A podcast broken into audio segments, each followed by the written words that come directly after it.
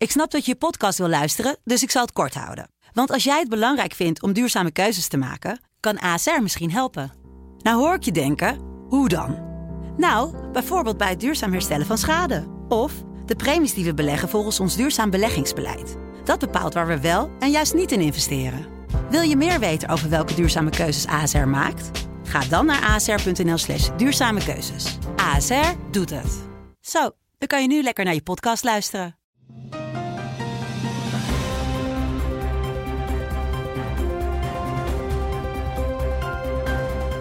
Dit is de Telegraaf podcast.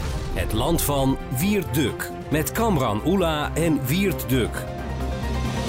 Donderdag 23 januari 2020 en dit is weer de wekelijkse podcast. Je hoorde het net al, het land van Wiert Duk. Mijn naam is Cameron Oela, nieuwschef bij de Telegraaf. En elke week mag ik hier minimaal een half uur met Wiert in de studio doorbrengen... om weer de onderwerpen te bespreken die hem deze week hebben bezighouden. We gaan uh, een uitstapje maken naar Zweden. Ja. Uh, want daar is een hele hoop uh, aan de hand. Daar hadden we ook een groot verhaal over afgelopen zaterdag in de krant en op onze site. we gaan het hebben over de woningnood. Maar Wiert, laten we even beginnen met een onderwerp wat de afgelopen dagen de gemoederen bezighoudt. Ja, dat grapje van uh, D66 die eigenlijk pleiten voor legalisering van drugs, zodat jongeren zonder schuldgevoel kennelijk zoveel mogelijk drugs kunnen consumeren en daarmee kunnen experimenteren. Nou, dat is aan al, alle kanten, onder andere in onze krant door onze columnist uh, Kitty Herwij, maar ik meen ook door Rob Hoogland. Beide. Aan en uh, niet vergeten John van der Heuvel uh, vandaag ook. En precies, John van der Heuvel ook. Uh, dus het stuit op heel veel weerstand, mm -hmm. dat, dat voorstel. Het is natuurlijk ook een volstrekt idioot voorstel. En um, ja, wat er eigenlijk achter zit. Kijk, los van wat je denkt over legalisering van drugs. En of die war on drugs, nou, waar ook veel mensen het over gingen hebben. Of die nou geslaagd is of niet. Want die is natuurlijk niet geslaagd. Die kost miljarden. En um, het resultaat is uh, niet bijster overtuigend. Maar je kunt zoiets natuurlijk ook gewoon vanuit een morele invalshoek uh, aanvliegen. Hè? En dan is het wel erg merkwaardig dat de jongerenorganisatie van D66 in feite pleit voor het vrijgeven van iets dat uh, van, een, van stoffen die ingrijpend uh, gevolgen kunnen hebben voor de, vooral de hersenen van uh, jonge gebruikers. Hè? Want het aantal jongeren met psychoses naar aanleiding van druggebruik is gewoon erg groot. Het is ook bewezen dat jonge hersenen die nog niet volgroeid zijn, extreem gevoelig zijn voor bepaalde van die, dat soort chemische stoffen. En dat je dat ook zelfs veelvuldig blowen en zo en wietgebruik uiteindelijk tot schizofrenie kunnen leiden en tot psychoses. Terwijl ze aan de andere kant, en dat schreef Kitty Herwijer ook heel goed, uh, uh, ons, de bevolking, uh, van alle kanten proberen ervan te overtuigen dat we gezonder zouden moeten leven. Hè. Je moet niet roken, je moet niet drinken, je moet geen vlees eten, je moet niet vliegen. Wat ze trouwens overigens zelf vaak wel doen. Maar goed, anderen dan zij mogen niet vliegen. Het mag voor alles niks in het liberale universum van D66. Maar opeens um, moeten drugs wel mogen. En dat komt natuurlijk omdat zij vanuit hun eigen peer group, zoals het heet, hun eigen sociale groep, gewend zijn, kennelijk, om uh, op een veilige manier of op een bepaalde manier drugs um, te consumeren. En dan gaat mm -hmm. natuurlijk vaak om ecstasy. Hè? En ze willen gewoon van het stigma af dat drugs, dat je je schuldig zou moeten voelen daarover. Nou, als je het dan legaliseert en niet meer illegaal maakt, ja, dan hoef je ook niet meer schuldig te voelen. In Nederland gaat altijd alles over dit, type schuldgevoel. Maar wat ze volledig uit het oog verliezen, en dat is eigenlijk het belangrijkste in dit gesprek, dat is, of in het gesprek hierover, over dit thema, dat is wat de Britse psychiater Dalrymple al in het verleden veelvuldig heeft uh, laten zien. Namelijk dat de elite kan met bepaalde vrijheden, hoogopgeleide hè, elite die reflecteert, die begrijpt waar grenzen liggen ook wel, die kan op een, die kan in het algemeen met bepaalde vrijheden die ze zichzelf heeft toegeëigend vanaf de jaren 60 eigenlijk ook wel omgaan. Hè? Vanaf de jaren 60 die seksuele revolutie, maar ook de drugsrevolutie en anderszins ook allerlei vrijheden die men zich voor zichzelf opeist. Zelfs pedofilie, hè? dat komt nu ook naar boven. De Duitse groenen bijvoorbeeld, en ook in Frankrijk is een groot debat ook gaande over dat de, de groenen destijds eh, ook pedoseksualiteit eigenlijk uit de illegaliteit wilden halen en zo. Dus alles moet moest maar mogen en kunnen. Maar dat soort uh, liberaal denken, dat zijpelt uiteindelijk door naar de, onderkant van de samenleving. En daar heb je veel meer mensen, dat is nu eenmaal zo, die veel moeilijker met dat soort vrijheden om kunnen gaan. Al is het alleen maar omdat ze vaak het geld niet hebben om de goede spullen te kopen. Dus hm. daardoor zijn hele hebben vooral de Britse onderklasse en zo, is voor een groot deel, Amerika, Amerika natuurlijk ook, voor een groot deel daardoor het volstrekt ontwricht geraakt. En als je dat uit het oog verliest, dat jouw vrijheden uiteindelijk voor andere sociale groepen wel eens heel ontwrichtend zouden kunnen werken en daarop een desastreuze invloed zouden kunnen uitoefenen, hè, dan uh, neem je je verantwoordelijkheid niet. Althans, dan neem je het foute type verantwoordelijkheid. En dat is wat deze mensen van D66 zich zouden moeten realiseren. Wat uiteindelijk de gevolgen zouden kunnen zijn van dit soort gepraat, makkelijk gepraat over, een, over hele schadelijke stoffen, wat het uiteindelijk voor verwoestende uitwerking zou kunnen hebben op, de, op andere sociale groepen. Ja, heel helder, eh, heel helder uitgelegd. Tegelijkertijd zouden we natuurlijk ook kunnen zeggen dat het goed is dat dit debat op deze manier nu plaatsvindt.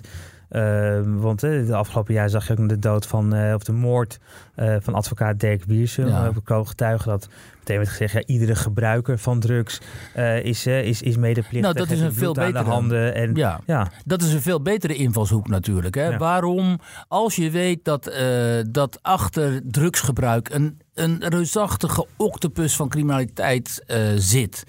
Die zijn tentakels overal heeft, die enorm moorddadig is en wreed. En die tot, tot verschrikkelijke misstanden heeft geleid in hmm. vooral Zuid-Amerika, Landen en zo. Maar inmiddels ook hier uiteindelijk, wat Kitty ook schreef, stond er lag er wel een uh, afgehakt, afgesneden hoofd bij die shisha in Amsterdam. Hè?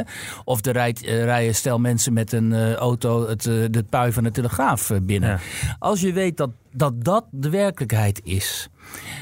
Waarom heb je dan niet de verantwoordelijkheid als D66 hoogopgeleide, welvarende, niks, hè, niks uh, missende D66 jongeren, want we weten allemaal waar, uit wat voor milieus die komen, om te zeggen: jongens, wij nemen onze verantwoordelijkheid als generatie, wij zien ervan af. Mm wij spreken ons uit tegen drugs, omdat we weten wat voor criminaliteit daarachter zit en omdat wij die criminaliteit niet willen steunen. En als iedereen er verder van afziet, dan bestaat de criminaliteit niet meer.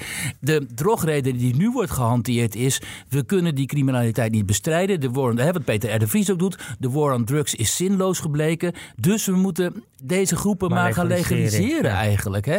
Nou weet je wat er dan gebeurt? Dan komen deze criminele groepen met nog hardere drugs, die nog verslavender zijn, die nog verwoestender zijn. En er is mhm. daar weer een publiek voor. Dus de, en dat bedoel ik met, je moet dit van de morele kant aanvliegen. Als je dit van... Uh, vanuit deze invalshoek bekijkt, dan zouden deze jongeren juist een heel goed voorbeeld kunnen zijn voor hun generatie. Als ze zouden zeggen: zie er vanaf. Maar hè, rond, druk, rond drugsgebruik hangt in uh, zo'n jovel tof. Uh, kijk, ons eens progressief zijn sfeertje al vanaf de jaren 60. Hè, want hun ouders hebben natuurlijk ook allemaal een joints gerookt en zo vroeger. Dus gaan ze dat niet zeggen, want dan kom je in de hoek van het christelijk conservatisme. Hè dan kom je in de hoek die altijd belachelijk is gemaakt. Van de mensen die zeggen: joh, uh, leid een fatsoenlijk leven. Probeer een gezin eh, te onderhouden. Uh, probeer bij elkaar te blijven ook. Want scheidingen die, die werken ook verwoestend op kinderen. Overigens heb ik mooi praten ook wel gescheiden, maar goed. Hè? En, um, en, en doe niet aan drugs gewoon. Maar dan sta je er niet goed, goed op in de talkshows. En bij Jinek en bij De Wereld Draait Door en noem maar op. dan ben je een beetje een sulletje uit zeg maar conservatieve hoek. Ehm, en dat is het natuurlijk. En als ze dat niet willen zien, deze mensen die zich ook altijd beroepen op het feit dat ze zo hoog opgeleid, zo intelligent zijn en zo. En zulke goede analyses maken. Als ze dat niet willen zien, dan heb je een blind oog. De, het, het, zou mooi zijn als eens een keer vanuit progressieve hoek jonge mensen zouden zeggen, jonge progressieve mensen, dit is inderdaad niet de weg die wij op willen. Hè, dan heb je een intelligent linksgeluid. Ja. En dit is gewoon een eigenlijk heel.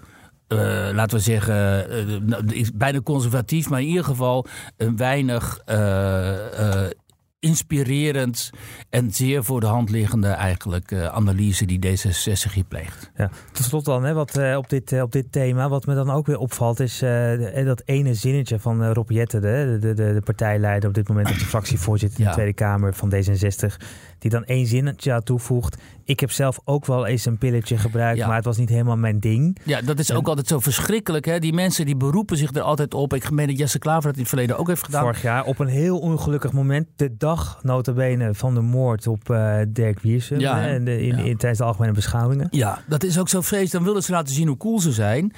Uh, dan gaan ze zeggen, joh, kijk, ik heb ook wel eens een keer gebruikt. Nou, ik moet je zeggen, ik heb ook wel eens een keer, uh, en misschien zitten ze daarom ook wel zo fel in, in het verleden wiet gebruikt. En ik werd er hartstikke psychotisch van. Ja. Dus toen ben ik ook onmiddellijk... Je bent er wel uit, toch? Ja, ik was er wel uit. Ja, dat duurde wel een paar uur. Dus ik weet hoe gevaarlijk die hoge, dat hoge ja. THC-gehalte van die druk kan zijn. Dus, um, en die politici die, hè, die dan gaan zeggen: joh, ik heb ook wel eens gebruikt en kijk mijn stof en cool zijn en zo. Dat is gewoon een ontzettend slecht voorbeeld. Uh, omdat zij daarmee aangeven niet te weten wat zich op straat ook afspeelt. Als je in, de, in, de, hè, in die wijken komt waar eh, veel drugs worden gebruikt en zo. En je ziet ook de verwoestende invloed die drugs op levens, jonge levens kunnen hebben. Dan moet je dat soort dingen gewoon niet zeggen. Dan moet je zeggen, joh, uh, blijf er met je fikken van af. Want het is gewoon hartstikke zeg. En dan zijn er weer mensen die zeggen, ja, maar die duk die pleit altijd tegen drugs. En, uh, en terwijl alcohol en nicotine en zo, dat is allemaal veel erger. Ja, dat, dat is ook ook erg, inderdaad.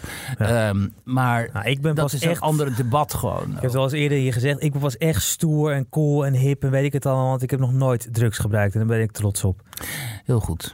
Kijk, het echte voorbeeld. Dan een heel ander eh, onderwerp. De woningnood in eh, Nederland eh, die blijft maar stijgen. Vandaag ook een grote opening in de, van de Telegraaf. Ehm, we hebben geloof ik gewoon bijna 300.000 huizen nodig. Dus dat is de grootte van Rotterdam zo, zo ongeveer. Ehm, maar we hadden vandaag ook een ander verhaal in de krant hierover. en ook op de site vandaag van jouw hand in het wekelijkse rubriek in Nederland. Ja.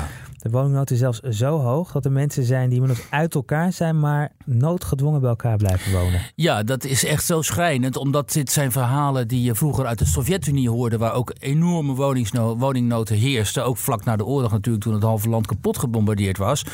Mensen moesten in communalkas leven, zoals het heet. Dus waren gemeen, van huizen waren gemeenschappelijke woonruimtes gemaakt, waar allerlei families bij elkaar woonden. En mensen die dan uh, gingen scheiden en zo, die konden met geen, geen mogelijkheid meer uh, elders onderdak vinden. Dus die deden dan maar een soort van gordijn door de ene kamer die zij met, met hun gezin tot beschikking hadden. En dan woonde de ene ex die woonde aan de ene kant van het gordijn en de andere ex aan de andere kant.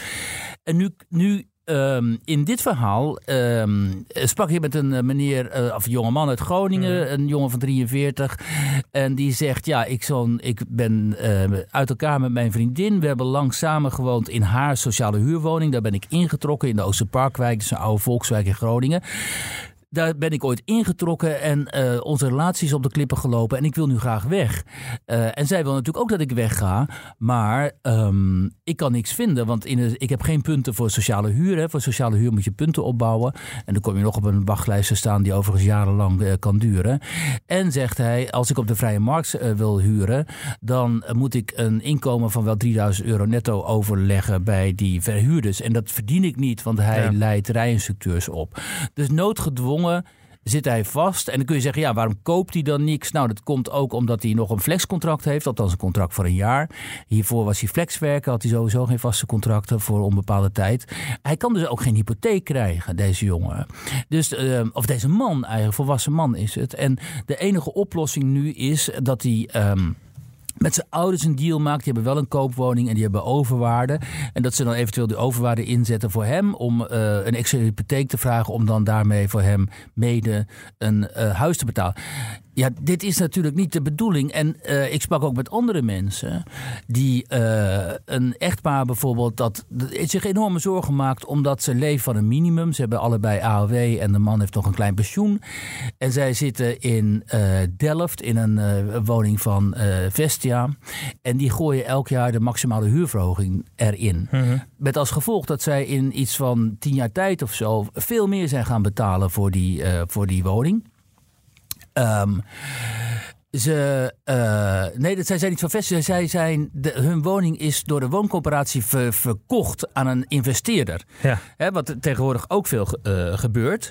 Met als gevolg dat zij uh, in een hele andere situatie terecht zijn gekomen. En ook de rechten van sociale huurders eigenlijk zijn verloren. Die huur die wordt telkens maximaal verhoogd. En nu liggen die mensen echt wakker omdat zij denken... Ja, over, als dit zo doorgaat kan ik over een jaar of twee jaar gewoon de huur niet meer betalen. Dan worden we het huis uitgezet. En waar moeten die mensen dan naartoe? Want er zijn geen goedkopere woningen. Um, en dan nog andere verhalen, die hebben dan vaak betrekking op uh, Vestia, de woningcorporatie. Ook van mensen die zeggen, ja, onze huur wordt ook telkens verhoogd. We hebben geen recht op huurtoeslag, want we zitten er net boven vaak. Um, en er wordt niks meer gedaan of heel weinig aan achterstallig onderhoud. Omdat wat, wat uh, die wooncorporaties doen, veel, dat is uh, zodra huurders eruit gaan, dan die woningen verkopen, op de markt brengen. En uh, ja, dan worden ze natuurlijk opgeknapt en gerenoveerd. En de woningen waarin nog altijd sociale huurders wonen, ja, die laten ze toch een beetje verpauperen vaak. Nou. Dit is natuurlijk een verschrikkelijk probleem, wat veel te lang is miskend. Uh, er had veel meer gebouwd moeten worden, maar dat is nu inmiddels ook in discrediet geraakt, het bouwen vanwege al die milieuverordeningen, waardoor heel veel bouwprojecten zijn komen uh, stil te, leggen, te liggen.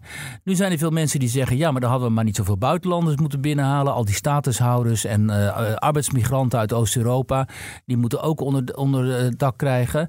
En die trekken nu de huizen weg bij mensen die op die wachtlijsten staan. Ja. Omdat heel veel statushouders, hè, die krijgen voorrang. En gemeentes zijn verplicht om een bepaald aantal statushouders onder te brengen. En die krijgen dan voorrang en die krijgen dan die sociale huurwoningen. Dat is ook zo. Dat is zeker het geval. Alleen, en dat zegt dan de SP als, als ware partij van de onderklasse, zeg maar. Die zeggen, ja, maar je moet niet die statushouders uitspelen tegen mensen met kleine inkomens, uh, inkomens op die, uh, aan die onderkant van die woonmarkt. Want dan zet je groepen tegen elkaar op. En daar hebben ze natuurlijk ook gelijk in. Als er voldoende was gebouwd en als er voldoende sociaal, uh, fatsoenlijke woningen waren, wat een grondrecht is in Nederland, hè, fatsoenlijk wonen is een grondrecht, dan had je die statushouders kunnen onderbrengen en je had deze mensen met een klein inkomen een fatsoenlijke sociale huurwoning kunnen aanbieden. Nou, dat heeft allemaal reden waarom dat in het verleden door de politiek zo is gegaan. Met name tijdens de crisis weten we allemaal, is helemaal niet voldoende gebouwd. Ja, en nu zitten het dus... einde is natuurlijk niet in zicht. Want we hebben totaal en die, niet. En die stikstofcrisis, waarbij we milieueisen ja. belangrijker vinden uh, dan een dak boven het hoofd. Juist. Uh, en twee, uh, migrantenstromen, dus de verwachting is dat de komende jaren alleen maar toe gaat nemen. Ja. Die vaker over gehad. Ja, dat is dus. Uh, dus je moet, je moet onwelgevallige keuzes gaan maken. Hè? Je moet prioriteiten gaan stellen natuurlijk. En je moet je bijvoorbeeld niet laten kapen door uh, allerlei milieuorganisaties die voor om het minste of geringste naar de rechter trekken, dan gelijk krijgen ook van de rechter, waardoor de hele bouw in Nederland zomaar kan stilvallen exact, en zo veel ja. te lang. Dus uh, wat, wat gevraagd is, is politiek leiderschap en visie. Nou, we weten allemaal, hebben het ook vaker over gehad hier in het uh, kabinet Rutte 3, is visie een vies woord. We hebben ook een tamelijk vernietigend hoofdcommentaar vandaag op de site over dit kabinet Rutte 3. En de conclusie is, het is eigenlijk gewoon een puinhoop. Ja. He, er is volstrekt geen visie, er is geen enkele prioriteit. Het is volstrekt onduidelijk wat dit kabinet nou precies waarmee, waar wil. En ik zag ook uh, Lex Hoogduin langskomen op Twitter. Dat is uh, een gerespecteerd econoom, financieel econoom. En die zegt ook het probleem met dit kabinet is... ze willen gewoon Nederland aan alle kanten als een soort... Uh, enorme bureaucratie willen ze Nederland vormgeven, Nederland een bepaalde kant opduwen. Maar dat kan helemaal niet, want je moet juist rekening houden met het onverwachte en daar moet je dan op anticiperen. En je moet ook ad hoc hè, besluiten durven te nemen die op dat moment het uh, algemeen belang dienen. Maar ja, in dit kabinet uh, is het algemeen belang, wordt het algemeen belang te vaak verward met het belang van uh, kleine uh, activistische groeperingen. En we hebben ook rechters in Nederland tegenwoordig die het algemeen belang zien als het belang van bepaalde milieugroepen zoals Urgenda en zo. -hmm. En die hen dan in het gelijk stellen, waardoor hele grote groepen Nederlanders enorm in de problemen komen.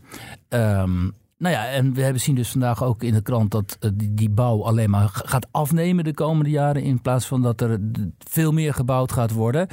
Dus dit blijft een structureel probleem. En weet je wat zo erg is? Dat um, groepen jongeren Ik kan jongeren heel bepaald, de groepen jongeren kan ik heel goed begrijpen. Wie zijn hier nou echt de klos? Dat zijn de jongeren uit uh, gezinnen waar de ouders niet ooit het geld hebben gehad om een huis te kopen. Die geen ouders hebben met uh, enorme overwaardes op hun huis van vaak tonnen. Hè, dat zijn jongeren, uh, autochtone jongeren uit armere milieus. En ook heel veel allochtone jongeren natuurlijk. Omdat die vaak komen uit gastarbeidersgezinnen. En die gastarbeiders die huurden vaak huizen. Ja. Heel vaak hebben eerste generatie gastarbeiders natuurlijk niet uh, huizen gekocht. Nee. Die komen vervolgens, hè, die krijgen dan een opleiding uh, met een studieschuld. En dan zeggen wij, goh wat mooi hè, dat jongeren emanciperen. Dat jongeren, het oude verheffingsideaal van de sociaaldemocraten. Wat mooi dat jongeren ook uit uh, wat kansarmere milieus. Of het nou blanke of allochtone milieus zijn, maakt niet uit. Dat die zich ook aandienen op de arbeidsmarkt. Dat die ook hoog opgeleid zijn tegenwoordig. Maar wat is hun situatie zo meteen? Een enorme studieschuld, geen erfenis van hun ouders, geen koophuis dat ze eventueel kunnen overnemen, zo, hè, zoals al die andere mm -hmm. kinderen, geprivilegeerde witte kinderen vaak trouwens, um, die bij D66 zitten. Uh, uh, en een leven lang misschien wel van schulden en flexbaantjes ook. Hè? Want die komen ook niet in de goede banen uh, terecht. Waarin ze vaste contracten krijgen. Waardoor ze, ze zelf dan een starterswoning kunnen kopen. Ja, dan heb je het zo slecht gedaan. Dan heb je het echt zo slecht gedaan. Rekening niet en geen rekening gehouden met je jongere uh, generaties. En dan zeggen mensen vaak tegen mij: ja, jij bent zo'n boomer. Of ik word uitgescholden met oké, okay, boomer en zo. -hmm. Nou, allemaal uh, goed. Uh, maar dat, nou, dat moet. jou is dat liefkozend. nou, precies. Want ik zou zeggen: zeg dat tegen Mark Rutte, die geen boomer is. Of Dijkhoff, die nog maar 38 30 is, meen ik die hadden iets meer voor jullie toekomst misschien kunnen doen de afgelopen hm. 10 of 12 jaar. En uh, zeg, mij, zeg mij niet dat ik een boomer ben. Nou, nou ja, het kan me niks schelen, maar weet je, het, ik snap heel goed de, de, zorgen van van die generatie. En dan zou het mooi zijn als die jongeren van D66, die natuurlijk wel voor een groot deel allemaal welvarende ouders hebben, hè, dat, want je, we, we weten uit welke milieu ze komen, zich wat minder druk zouden maken over legalisering van drugs en meer over studieschuld, woonsituatie, situatie op de arbeidsmarkt en noem maar op. Waarvan ik denk dat je als jongere echt wel wakker kunt liggen, inderdaad. Want ik kom uit de jaren 80, die doemtijd. Hè, er was de inflatie, mm -hmm. de 10% of zo. Er waren totaal geen banen. We vluchten allemaal in New Wave en punk en weet ik veel wat. Want er, er hing ook nog eens een keer een kernbom boven ons hoofd. Ja, het is allemaal goed gekomen. En ik kan je zeggen, het is met mij goed gekomen. Maar dat was wel heel... Dat de vooruitzichten destijds waren ook heel dramatisch. duister. Ja, ja. het was volstrekt ja, onzeker of je ooit aan een fatsoenlijke baan nou, zou dat komen. Dat is natuurlijk echt het vergelijk, want dat is het nu natuurlijk uh, ook. Dat het, we, is, het einde is nog niet in zicht. En als je nu al ziet, de beramingen van economen, die gaan over tien jaar. Hè? Dan hebben we het over 2030. Als we nu maatregelen nemen, dan is het probleem in 2030 opgelost. Ja, moet je dat, voorstellen. Dat is gewoon een generatie bijna, zou je ze kunnen zeggen. Ja. ja. Dus ik kan me heel goed voorstellen dat, dat uh, men zich, als je zo rond de 20 bent, dat je uh, grote zorgen maakt. Uh, ja, precies ook hierom. Mm. Omdat je helemaal, kijk, destijds zag je nog in de politiek in ieder geval een soort analyse van het probleem. Hè? Ja. Die kabinetten Lubbers en zo, die waar gingen bezuinigen. Wat achteraf gewoon goed is geweest. Um, in ieder geval werd het probleem onderkend. Maar nu lijkt het wel in de politiek alsof alles ons overkomt. En dan gaan politici zeggen van... oh, goh, ja, nee, dit is toch wel heel erg. Oh ja, nee, hier hadden we niet aan gedacht. Of, goh, joh, dat is toch wel een ernstig probleem... dat, ja. zich nu hier op, dat nu hier op tafel ligt. Hè? Dus dat, dat wekt ook geen enkel vertrouwen natuurlijk. Nou... Laten we dit onderwerp voor nu hierbij laten. Want ik vermoed dat als wij nog tien jaar met deze podcast doorgaan... dat we de komende tien jaar hier regelmatig nog over zijn, zullen gaan uh, hebben. Dan hebben we inmiddels enorm veel adverteerders uit de bouw voor deze, deze podcast. Ja, deze podcast wordt mooi, mede mogelijk gemaakt dat door... de bouwmarkt. Ja, de bouwend Nederland. Um, we gaan het er uh, uitgebreid over hebben. Laten we even een uitstapje maken. En wel naar Zweden. Uh, ik kan me nog herinneren dat president Trump een paar jaar geleden zei van... heeft u gezien wat gisteravond in Zweden is gebeurd? En ja. toen bleek dus niets gebeurd te zijn. Ja.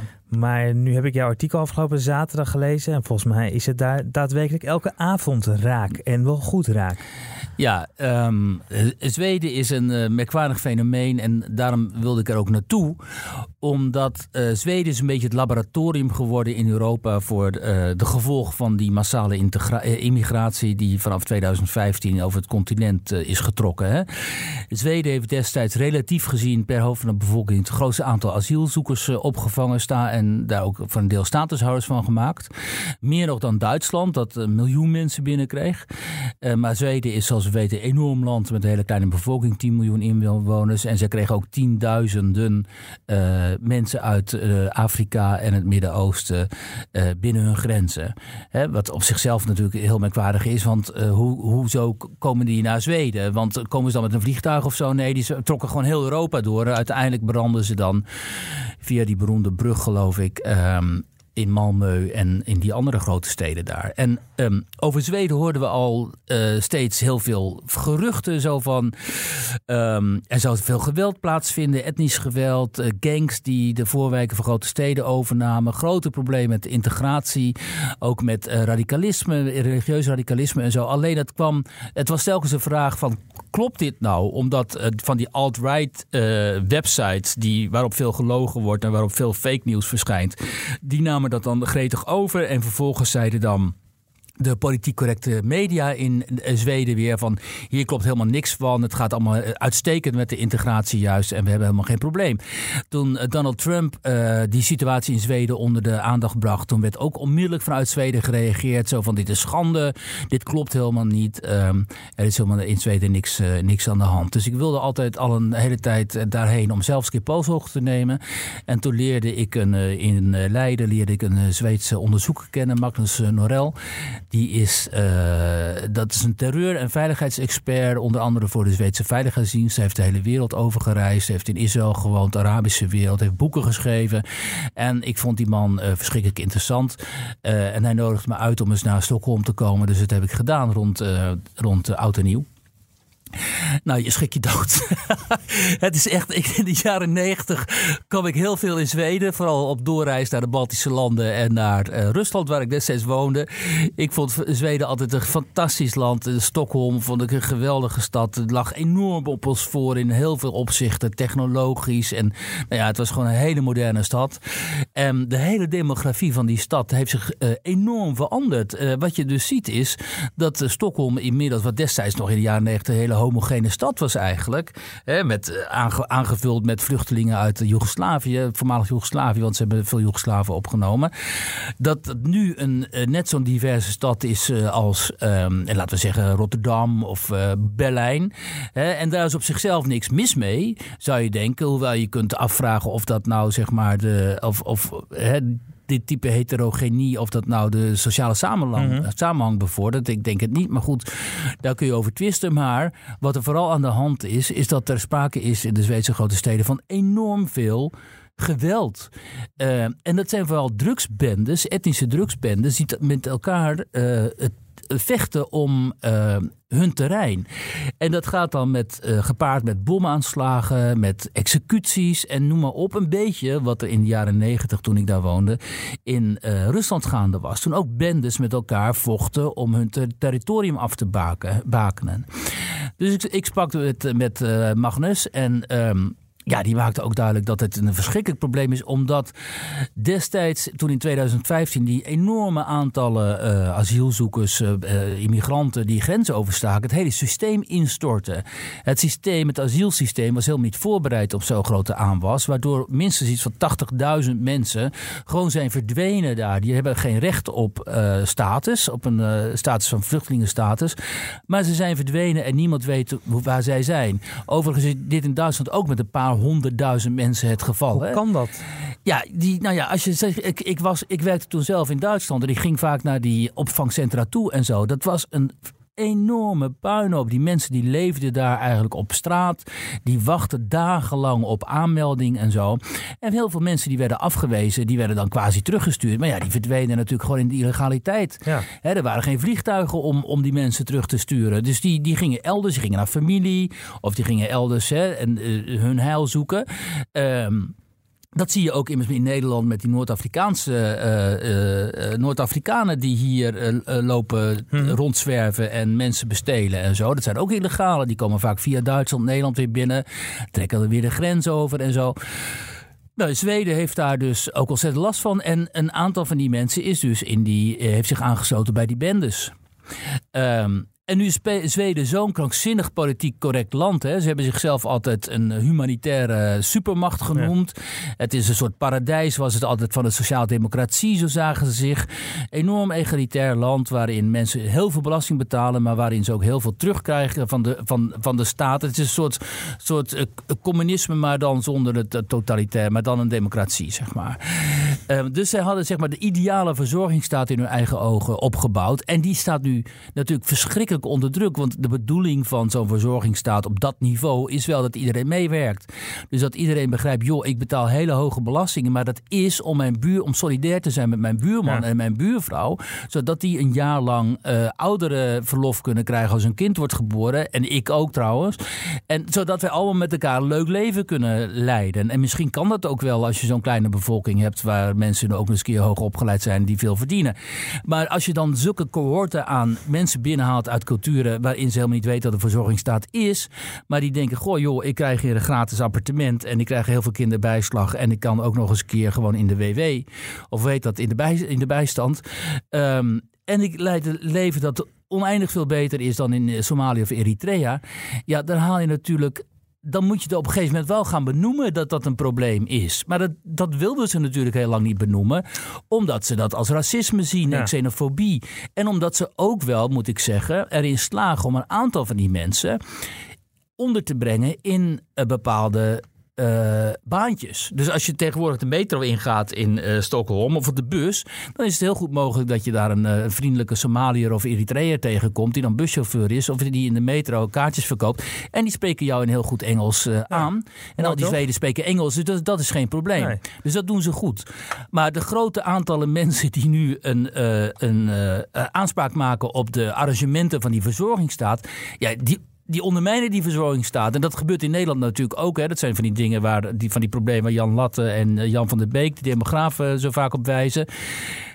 Je bent of een verzorgingsstaat of een immigratieland. Die beide dingen, die beide concepten gaan niet samen. En dat dringt ook maar niet door tot de politiek. En in, in Zweden dringt het dus pas nu door.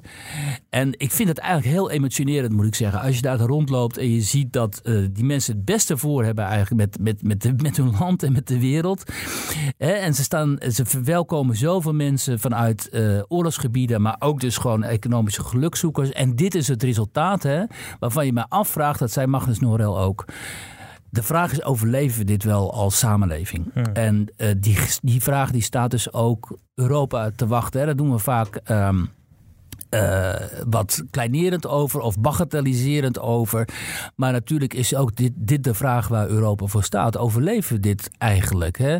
Dit soort, uh, dit soort emigratieproblematiek. Um, en dat, die vraag is, uh, dat zei Norel ook van als je me dit een paar jaar geleden gevraagd had ik je uitgelachen en gedacht, joh, we slaat dit op. Maar het feit dat ik nu aarzelend ben om te antwoorden, dat geeft wel aan hoe groot eh, de problematiek is. Ja, een bijzonder, bijzonder verhaal dat je ook eh, de kans had ook om die kant op te gaan en uh, zo'n interview te maken. Ja, dat was echt heel fijn. en als u meer wil lezen en u heeft nog niet gelezen, dan staat dat uitgebreid ook op onze website. Dan moet u hem even zoeken op telegraaf.nl. Hoe heet de beste man nog een keer? Magnus Norel met dubbel L aan het eind. Ja, Net zo... Norel, dus N-O-R-E-L-L. En dan vindt u het vanzelf. Nou, wie het dan uh, tot slot uh, helemaal aan het einde nog even één, uh, één onderwerp meepakken. ik las een mooi verhaal op de post online, meen ik, van Fidan Ekis. Die stopt natuurlijk als presentatrice bij de Nieuwe Maan. Ja. Eswet El Meloudi gaat het van haar overnemen. En nu ze stopt, beschrijft ze eigenlijk hoe pittig en zwaar en heftig het was ja. om, uh, om dat uh, programma te maken. Vanaf dag één al hoeveel uh, nou, tegengeluid er geluid was. Dus we dachten misschien moeten we toch nog even wel met dat onderwerp eindigen. Ja, omdat dat een onderwerp is dat niet alleen voor Phil Ekers geldt, die overigens mijn ex is. Dus dat die, die disclaimer moeten er wel even in. Dus ik wist ook wat een en ander van wat zich daar afspeelde. Maar uh, omdat het niet alleen haar betreft, maar heel veel mensen natuurlijk, uh, zeg, opiniemakers, uh, commentatoren, die zich aan een bepaalde kant van. Um, nee, laten we zeggen, die zich die kritiek hebben of die zich kritisch uiten over de uitwassen van de multiculturele samenleving. Daar komt het op neer. En wat zo interessant is, is dat uh, Fidan dit dus heeft ehm, aan de lijve heeft ondervonden. Uh, wat er gebeurt als je zo'n programma uh, gaat presenteren en je laat daarin ook een, programma dat min of meer gaat over die multiculturele samenleving en alles wat zich daar binnen afspeelt.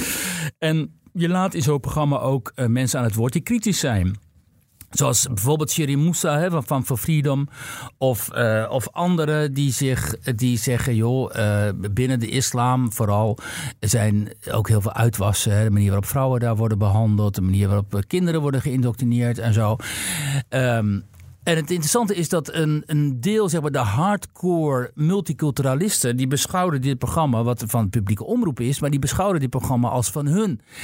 Uh, en zij dachten van dit programma moet eigenlijk alleen maar uh, positief zich uiten ja. over minderheden en uh, over moslims, wat ook een minderheid is, en, en over die multiculturele samenleving. En op het moment dat daar kritiek op is, moeten die critici die mond worden gesnoerd. Nou, haar overkwam dit in hoge mate, doordat ze uiteindelijk of zelfs werd bedreigd en zo. En doordat politieke partijen zoals Denk dan een gesprek wilden met de NTR-leiding, want dit kon allemaal niet. Maar wat vooral het, het nare is, en of het naargeestige eraan, is dat ook mensen uit de MSM, zoals het heet, de mainstream media, columnisten en zo, haar begonnen aan te vallen. Uh, en haar in elk geval niet, niet steunden. En uh, uh, dit verbaasde haar dus, omdat zij dit niet gewend was. En daar schrijft ze dan over, dat wil ik even citeren. Ik kreeg door mijn positie bij de Nieuwe Maan een close-up van een kant van dit land die mij beangstigt. Een van een totalitaire mentaliteit die door velen niet wordt herkend. Um, en dat is iets wat ik, waar ik op aansloeg, omdat dit ook is iets wat, wat, wat ik heel erg herken. En wat inderdaad heel veel mensen niet zullen weten, omdat zij zelf daar niet mee in aanraking komen. En ik heb dit zelf meegemaakt, precies hetzelfde proces toen ik in Duitsland zat en ik begon over uh, die vluchtelingenstroom in 2015 te schrijven en over de, de negatieve, de, de, de, hè, de, de ingewikkelde kanten daarvan en ook de angsten die heel veel de Duitse burgers hadden omtrent de instroom van meer dan een miljoen uh, immigranten. Mm -hmm. uh, de, ik, ik heb toen geschreven over die toestanden in Keulen met oud en nieuw, weet je wel. En ik kreeg enorm veel weerstand over mij heen. En ook van mensen van wie ik het eigenlijk nooit had uh, verwacht. En vooral heel veel mensen die begonnen mij op basis van die artikelen en, en stukken, ook bij de Post Online destijds weg te zetten als extreem rechts, radicaal rechts, xenofoob, moslimhaat. Nou, die hele, het hele, het hele uh, curriculum ja, aan, aan haat krijg je dan over je heen. Hè? En in het begin denk je, omdat je te goede trouw bent, denk je, joh, waar, hoe kan dit nou? Heb, heb, ik het niet goed uitgelegd of heb ik, heb ik fouten gemaakt? Zo. Op den duur ga je begrijpen, dit is politiek politiek. En dat schrijft dan ook van, het, is een roedel. Eh, een soort van roedel hyena's die op hun prooi azen. Ze zoeken, ze speuren naar een prooi. En ben jij hun prooi, dan vallen ze als een roedel op, op je. En proberen je uh, kapot te maken. Um, uh, en dat is een hele louterende ervaring, moet ik zeggen. Omdat ik altijd dacht van ja, dit gebeurt wel in landen als nou ja, Rusland, waar ik zelf verkeerde, waar ik dat zag gebeuren en zo. Maar ik dacht altijd, in Nederland is men toch in het algemeen wel redelijk. En gaat men in een redelijk, gaat men een redelijk debat aan. Ja. Nou ja, dat had ik natuurlijk eigenlijk helemaal niet moeten denken. Omdat Pim Fortuyn hier ooit vermoord Precies. is door Volkert, die zichzelf een uh, milieuactivist noemde, geloof ik. En niets is minder waar. En dan de, na de aanvankelijke schok moet je daar tegen gaan weren. Dat je kent allerlei stadia. Eerst ga je terugpraten daarna ga je een beetje zelf ook schelden. Of je gaat terug schreeuwen en op, de, op den duur dan, dan geef je er geen aandacht meer aan. En uh, Filan Ekens is kennelijk in het stadium dat ze nu terugpraat voor een laatste keer misschien en uitlegt uh, wat dit met je kan doen. En daarom is het een heel belangrijk stuk, omdat um, te veel mensen inderdaad dit niet overkomt. Dus ze weten niet dat dit bestaat. Nee. Dus herkennen ze het ook niet. En dus denken ze ook vaak dat je overdrijft. Maar als je zelf in, het, uh, in, de, in, in die storm staat, in die shitstorm zoals ja. het heet. En je ziet het van alle kanten op je afkomen. Ook van mensen die gerespecteerd worden binnen bepaalde milieus. Hè, waarvan je denkt: het kan niet zo zijn dat hij of zij zo tegen mij tekeer gaat. En tegelijkertijd bijvoorbeeld uit de politiek of uit de media, mm. uit de mensenmedia. zoveel waardering ontvangt. Hoe ja. kan dit? dit? Dit, dit kan niet samengaan. En toch is het zo. En dan denk je: wow, dit systeem, weet je, deze mensen, wat. wat Ja, is, dat een kartel misschien? Ja, het is krankzinnig en, het, en, Ja. en heel herkenbaar helaas ook voor, eh, ook voor mij. Eh, maar ook voor, hè, we- je noemt politiek en dan zie je ook dat het links, rechts, dat maakt niet uit. Want een Ahmed Marcouch bijvoorbeeld, eh, die, die ma- maakte hetzelfde mee toen hij nog stadsdeelvoorzitter in Amsterdam Nieuw-West was. ja ook eh, vanuit de moslimhoek. hè? Ja, want hij zou wel, eh, hij hulde te veel met de, de andere kant. Abu Talib, Eh, die natuurlijk een bounty wordt genoemd Ben je fout? Eh, eh, eh, ik werk bij de Telegraaf. Mijn politieke voorkeur is bekend. Ja, dat Ja. is fout. Per definitie al eh, eh, slecht. En, en dat is natuurlijk, eh, we hebben het hier vaker over gehad. Dat is één ding in dit debat. Hè, wat, wat wel belangrijk is om op te wijzen, dat is dat. Hè, want mensen die zeggen dan vaak, ja, maar vanaf rechts, al die tokkies op rechts. Hè, die, eh, Ja. die, die, die, die jongen, die Sander Schimmelpenning, eh, van, eh, die nu dat eh, op, op één presenteert ook. Die zegt altijd, ja, maar die domrechtse tokkies, die schreeuwen net zo hard. Ehm, dat klopt niet. Ja, dat klopt wel. Hè. Je hebt heel veel, heel veel mensen op rechts, op Twitter en op social media die heel hard schelden en zo. Maar het is niet zo dat zij vertegenwoordigers hebben op belangrijke posities in de media die ook zo hard schelden. Hè? Want dan, en dan gaan ze dus wijzen naar iemand als mij, of Sivinia, of een paar anderen. Ja. Hè? Maar het is niet zo dat, die als een soort, dat deze mensen, die, die, die opiniemakers op rechts, zeg maar, dat die als een soort roedel. Hè? Spuren naar mensen op links, aan de andere kant van het politieke spectrum, die zij gezamenlijk kapot gaan maken. Dat, dat is gewoon niet zo. Nee, nee. Dus in die zin is er geen gelijk speelveld. Snap je? Ja. Dus daar moeten we wel eens even eh, helder in zijn. Eh, dat die analyse van zo'n schimmelpenning bijvoorbeeld gewoon niet aan de orde is. Die klopt niet. Hij is uiteindelijk veel machtiger op zijn positie dan die anonieme accounts op Twitter die hem Ja. uitschelden. hè. Dat moet hij wel goed begrijpen. Duidelijk verhaal. En, en, eh, eh, en bovendien ook het, eh, het column of het verhaal van Filan Eek is echt een aanrader om te lezen. En wat ik het mooie hiervan vind, want, want zij opent hiermee ook weer de aanval terug op, op, op, op wat zij intellectueel links noemt. Ja. Ehm, maar het, het beste weerwoord is om het op een intellectuele manier te doen. En dat doet ze. Hè. Hier, Ja, dit, dit- dat is natuurlijk ook geweldig. Dat het niet alleen maar schreeuwen en roepen en in 140 of 280 tekens is. Ja. Maar gewoon met eh, argumenten, met inhoud, met verwijzingen. Echt een mooi, mooi artikel. Het Absoluut. lezen waard bij de collega's van TPO. Ik geloof dat we alweer eh, drie kwartier ongeveer bezig zijn. 40 minuten zeker. Ehm, dat betekent dat het er wel weer op zit voor deze week, Wiert. Nou, er was weer genoeg te bespreken. dus. Meer dan Ja. genoeg te bespreken. Het houdt niet op in dit land. Nee, nee, nee. nee. Van, de, het- van Bierduk. Nee, het land van Wierduk is buitengewoon eh druk. Ja. Eh, en ook hier zijn geen eh, woningen meer. we houden het voor gezien voor, voor nu. Dank weer uiteraard voor het luisteren. Tips, eh, eh, opmerkingen, alles is weer eh, welkom via Twitter.